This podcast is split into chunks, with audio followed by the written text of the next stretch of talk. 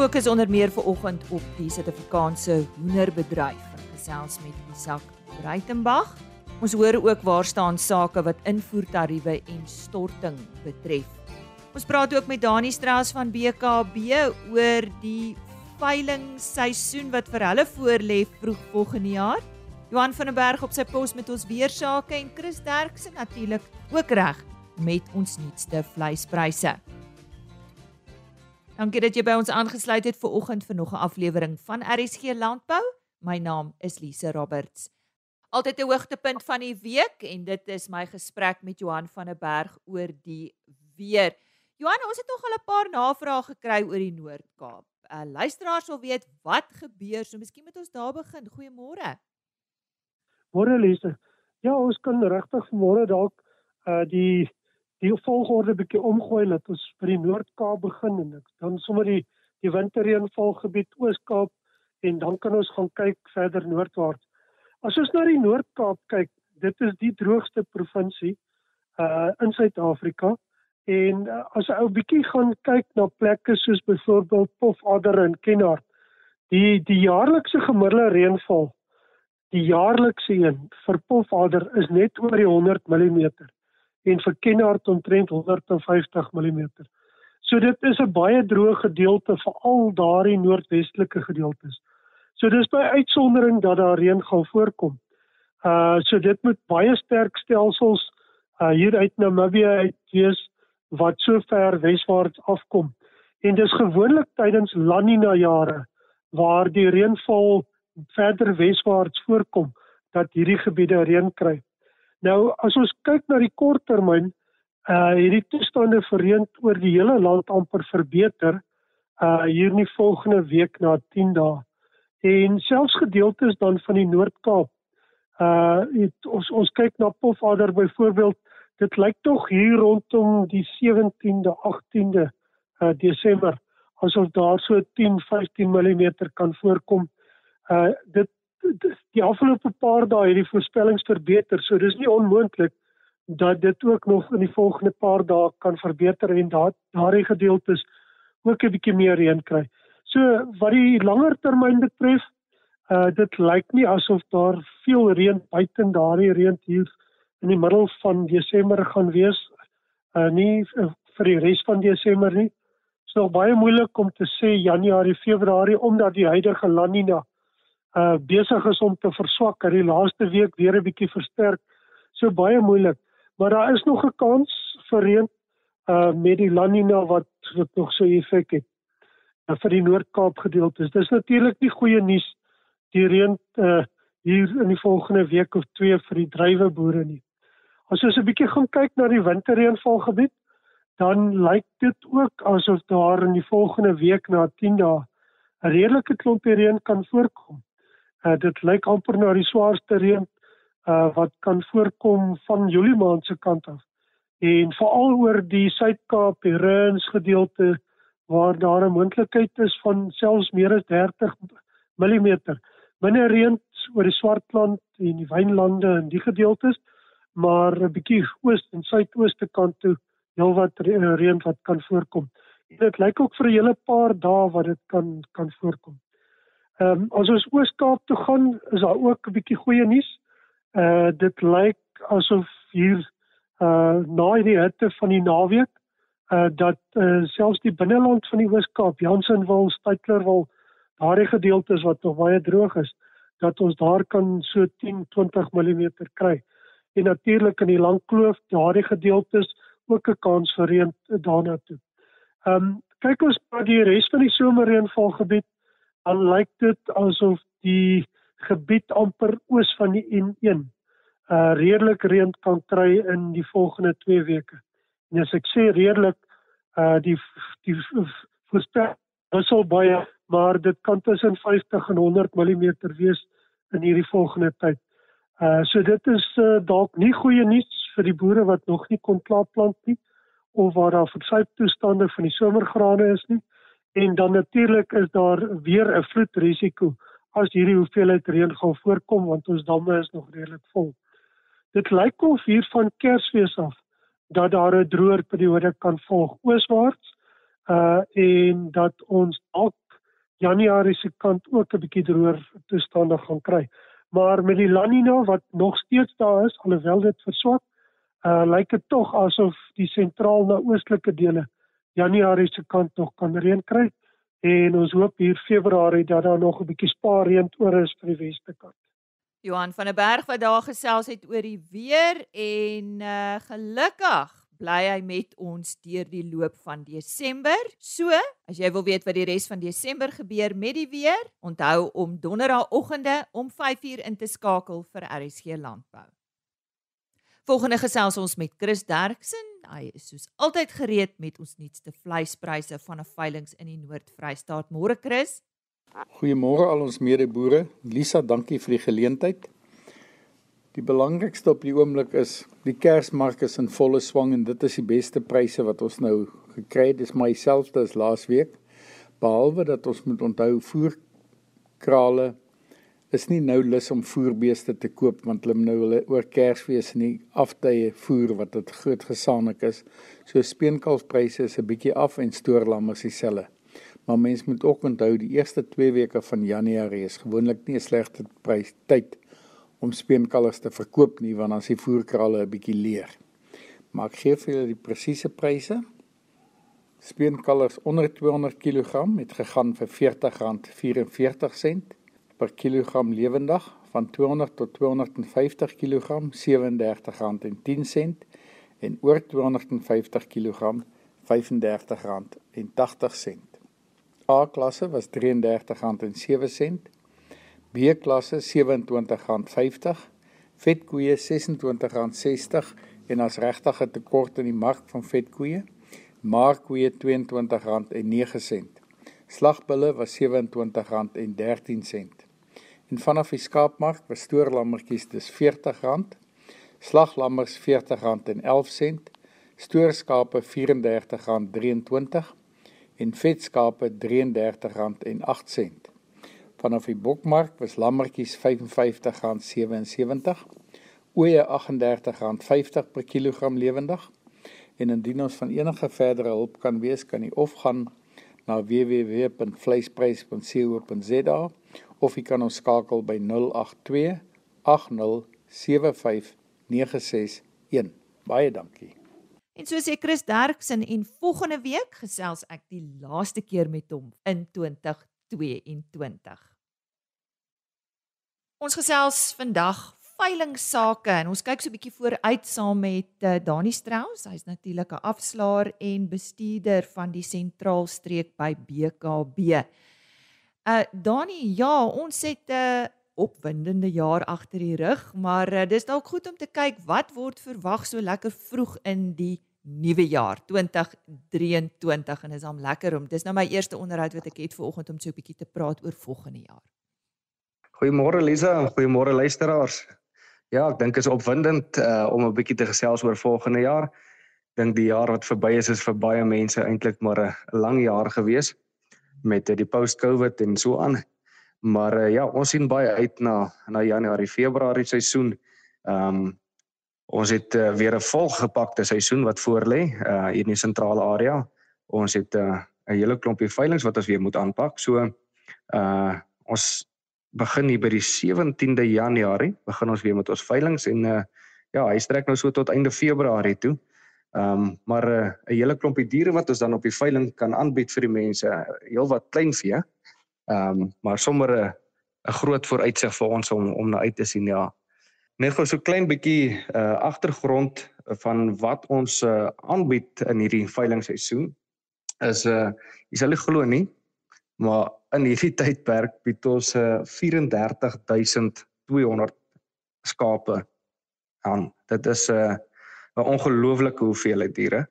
Ehm um, hierdie 34000 koppe moet nou geskuif word waarvan omtrent 3000 ehm um, ramme is en dan so 18000 aanteeloeie. Dit is nogal 'n uh, 'n hele klompie aanteeloeie. So ek nooi graag die mense uit wat in in aanteeloeie belangstel om om enige een van jou BKB agente in die area te kontak um, om spesifiek net te hoor waar of watter veiling is is watter hoeveelheid diere. Ons het ook 'n lys wat ons uitstuur op 'n uh, ehm um, die toepassing WhatsApp. ehm um, waar ons 'n volledige veiling samestelling het van al hierdie veilings uh op 'n uh, een bladsy formaat ehm um, wat 'n ou dadelik kan sien luister hierso is hierdie veiling ek kan hierso kan ek oeye kry hier kan ek uh, ramme kry ensovoorts en uh, ja en die wat die res van die getal opmaak is dan so 13000 uh, speenlammers wat ook op die veilinge kom.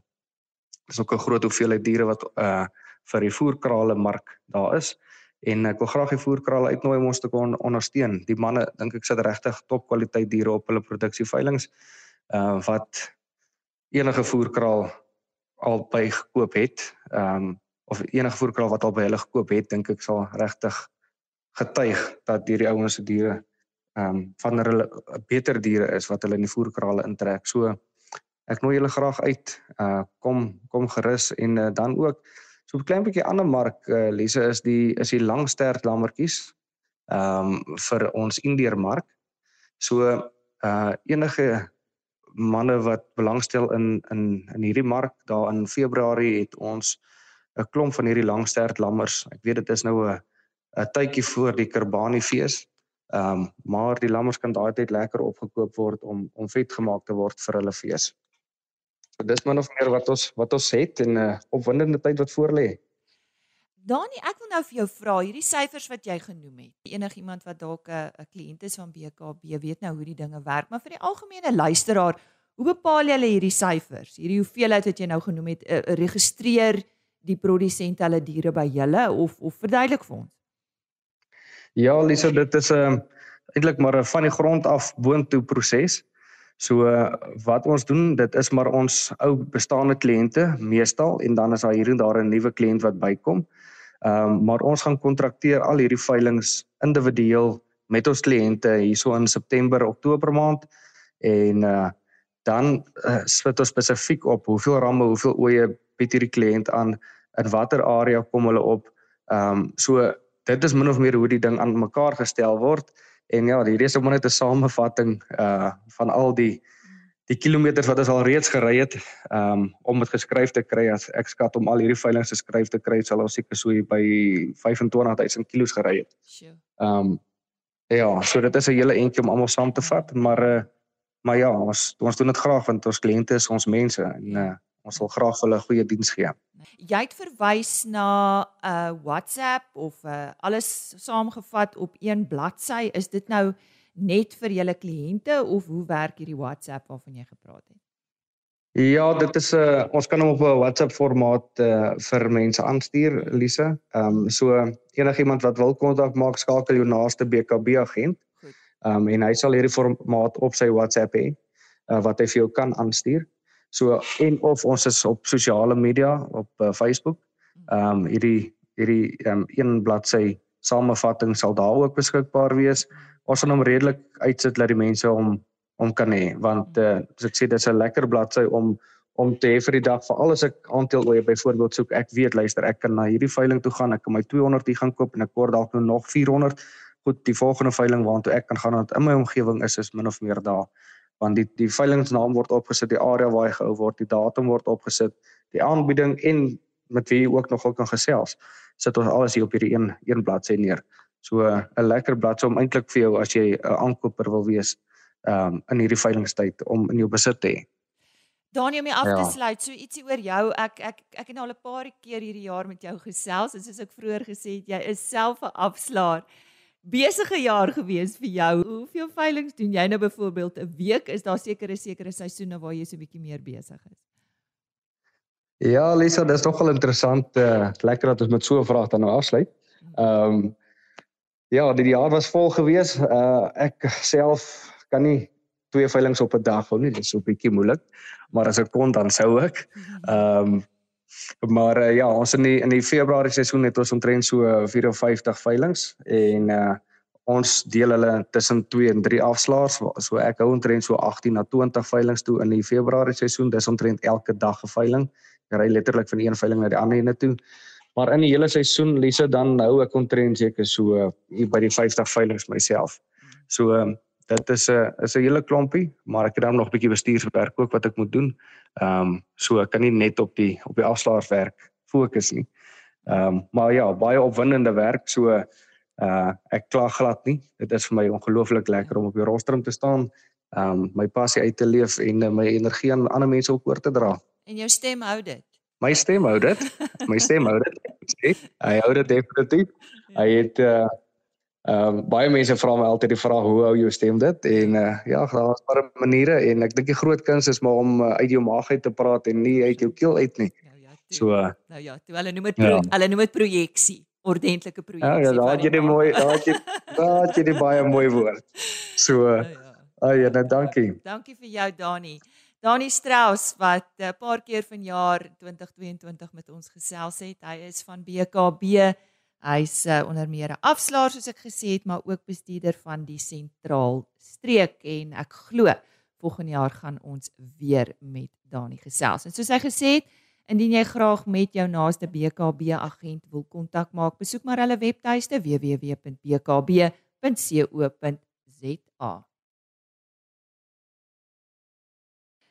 En nou fokus ons op die plaaslike hoenderbedryf en gesels met die hoofuitvoerende beampte van die Suid-Afrikaanse Pluimvee Vereniging Isak Breitenberg. Isak, wat is die waarde van die bedryf vir die landbousektor en julle bydra tot die plaaslike ekonomie? Goeiemôre. Ehm um, goeiemôre Lise. Ja, die die dit is 'n groot bedryf en die bedryf het baie waarde vir die land maar die bedryf het ook 'n um, uh, groot omset.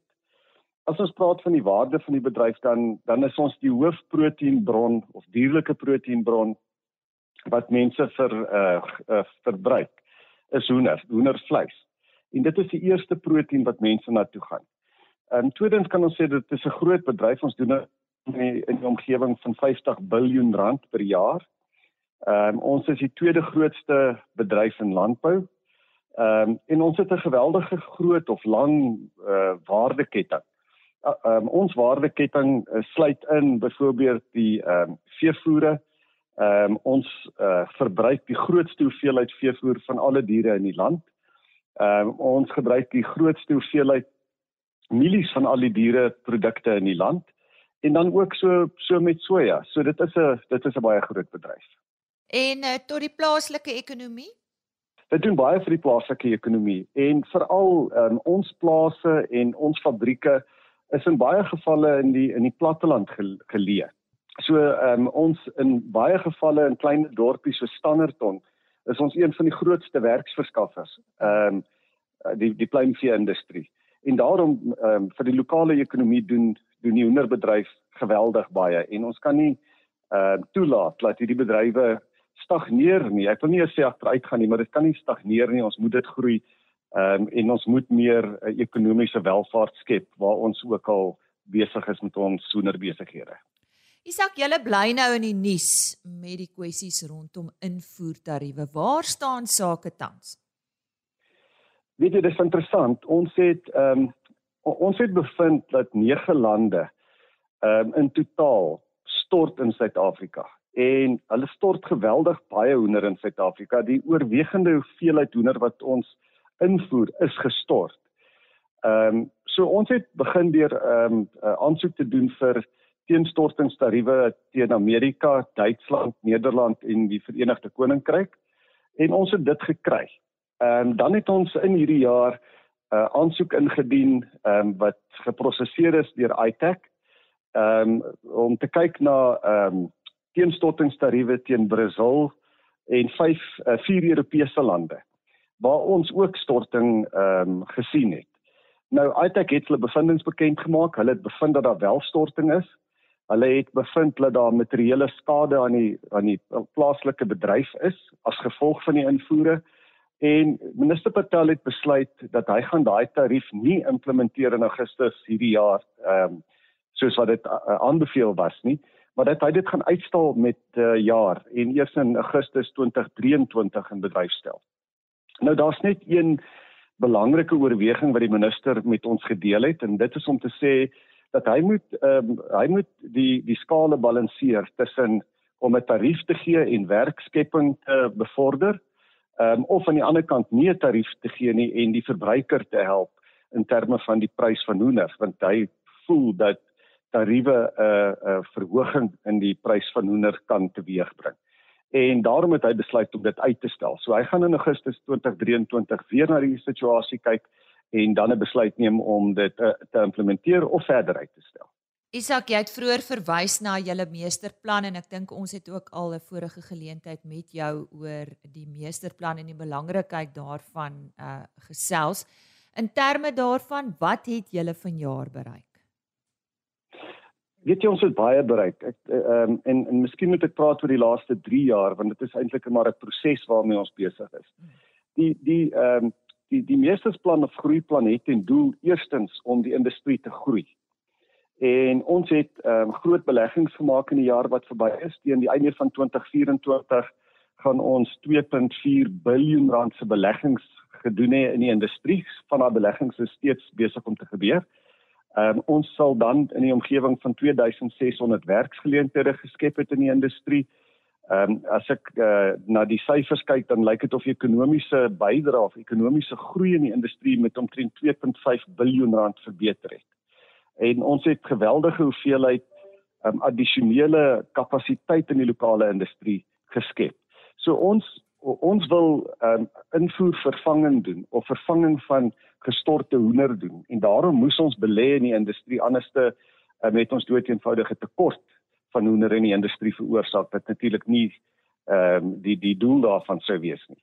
So ons het baie bereik in die in die ehm um, laaste jaar. Ons het ook in terme van transformasie geweldige vordering gemaak. Ons het ehm um, 21 uh, nuwe kontrakgroeier boere is in in in bedryf gebring of is ons besig om in bedryf te kom. Ehm um, en dit is groot plase hierdie. Dit is nie klein ehm um, geleenthede vir transformasie. Dis groot geleenthede. Ons praat van ongeveer 35 tot 45 miljoen rand belegging net in een plaas. So transformasie het ook ehm um, gedurende die jaar ehm um, 'n prioriteit by ons gewees en ons het gevorder. Wat's op die tafel vir volgende jaar 2023? Ons het 'n volprogram vir vir 2023 en en dit die die meesterplan het nie gestop nie. Ehm um, die meesterplan gaan aan. En soos wat ons ehm um, die die aksies uh voltooi, um, skep ons vir onsself nuwe aksies ehm um, op op die lys. As 'n mens daarna kyk, dan dink ek een van die groot issues wat ons moet aanspreek in in in 2023 is elektrisiteit. Ehm um, ons gaan met nog groot handelaars praat, kleinhandelaars praat um, om self te reguleer en hoender plaaslik te koop. Ons gaan 'n klomp projekte uitrol saam met uh, Proudly SA um, om meer verbruik van lokale hoender te bevorder. Ehm um, daar soos ek genoem het, is daar verdere beleggings wat gemaak gaan word wat wat ehm um, tot uh, uitkom in 2024. Ons het uh, transformasiedoelwitte wat ons wil doen. Ehm um, definitief uitvoere. Uh, ons voer nie regtig baie hoender uit nie en ons het 'n strategiese besluit geneem om te begin uitvoer na die Europese Unie toe. Gekookte hoendervleis na die Europese Unie toe. En ons het wesenlike vordering gemaak in daai proses ehm um, in die in die die in die jaar wat verby is en dit is 'n prioriteit vir volgende jaar en die laaste prioriteit is om te kyk na na BTW op hoender. Ons dink dat die verbruiker moet beskerm word. Ehm um, ek ons dink dat die proteïenbron wat die eerste dierlike proteïen is wat mense sal koop omdat dit goedkoop is, is hoender en daarom dink ons daar is ehm um, meriete dat daar BTW verkwytskelding moet plaasvind um, op die ehm um, IQF hoender soos ons dit noem in die in die in die bedryf. Ehm um, en dit is die hoender wat die arme mense uh, uh koop en eet. En hoe uh vorder julle daarmee? Ons sal moet ehm um, ons is besig met 'n studie ehm um, vir motivering ehm um, om die om om die BTW te motiveer hoekom ons dink dit dit ehm um, afgeskaf moet word op net die IQF hoender, nie op alle hoender nie um, en uh, sodat ons die lae inkomste groepe kan help met prys van hoender. Isak ten slotte? Dit Elise, um, die bedryf is 'n baie groot bedryf en ons het ten doel in hierdie bedryf om steeds goedkoop hoender aan die mense te verskaf. Ons het dit gedoen sedert um, 1904 en dit is hoog op die agenda um, in ons aksieplanne van die van die tydjies wat voorlê die hoofuitvoerende beampte van die Suid-Afrikaanse Pluimvee Vereniging, Isak Breitenberg. RSG Landbou is op rsg.co.za as potgooi beskikbaar. Jy kan ook by www.agriorbit.com gaan kyk. Daar word ons onderhoude afsonderlik gelaai en dan sluit ek hierdie week ook af met ons e-posadres rsglandbou@plaasmedia.co.za. Ek herhaal rsglandbou@plaasmedia.co.za. Die betroubare tuiste van landbou. Nou ja, die einde is in sig. Nie meer lank nie, dan is dit Kersfees. Hou maar bietjie uit en aan. Ek hoop jy geniet die res van jou week en ook jou naweek wat voorlê. Totsiens. RSG Landbou is 'n plaas media produksie met regisseur en aanbieder Lize Roberts en tegniese ondersteuning deur Jolandi Root.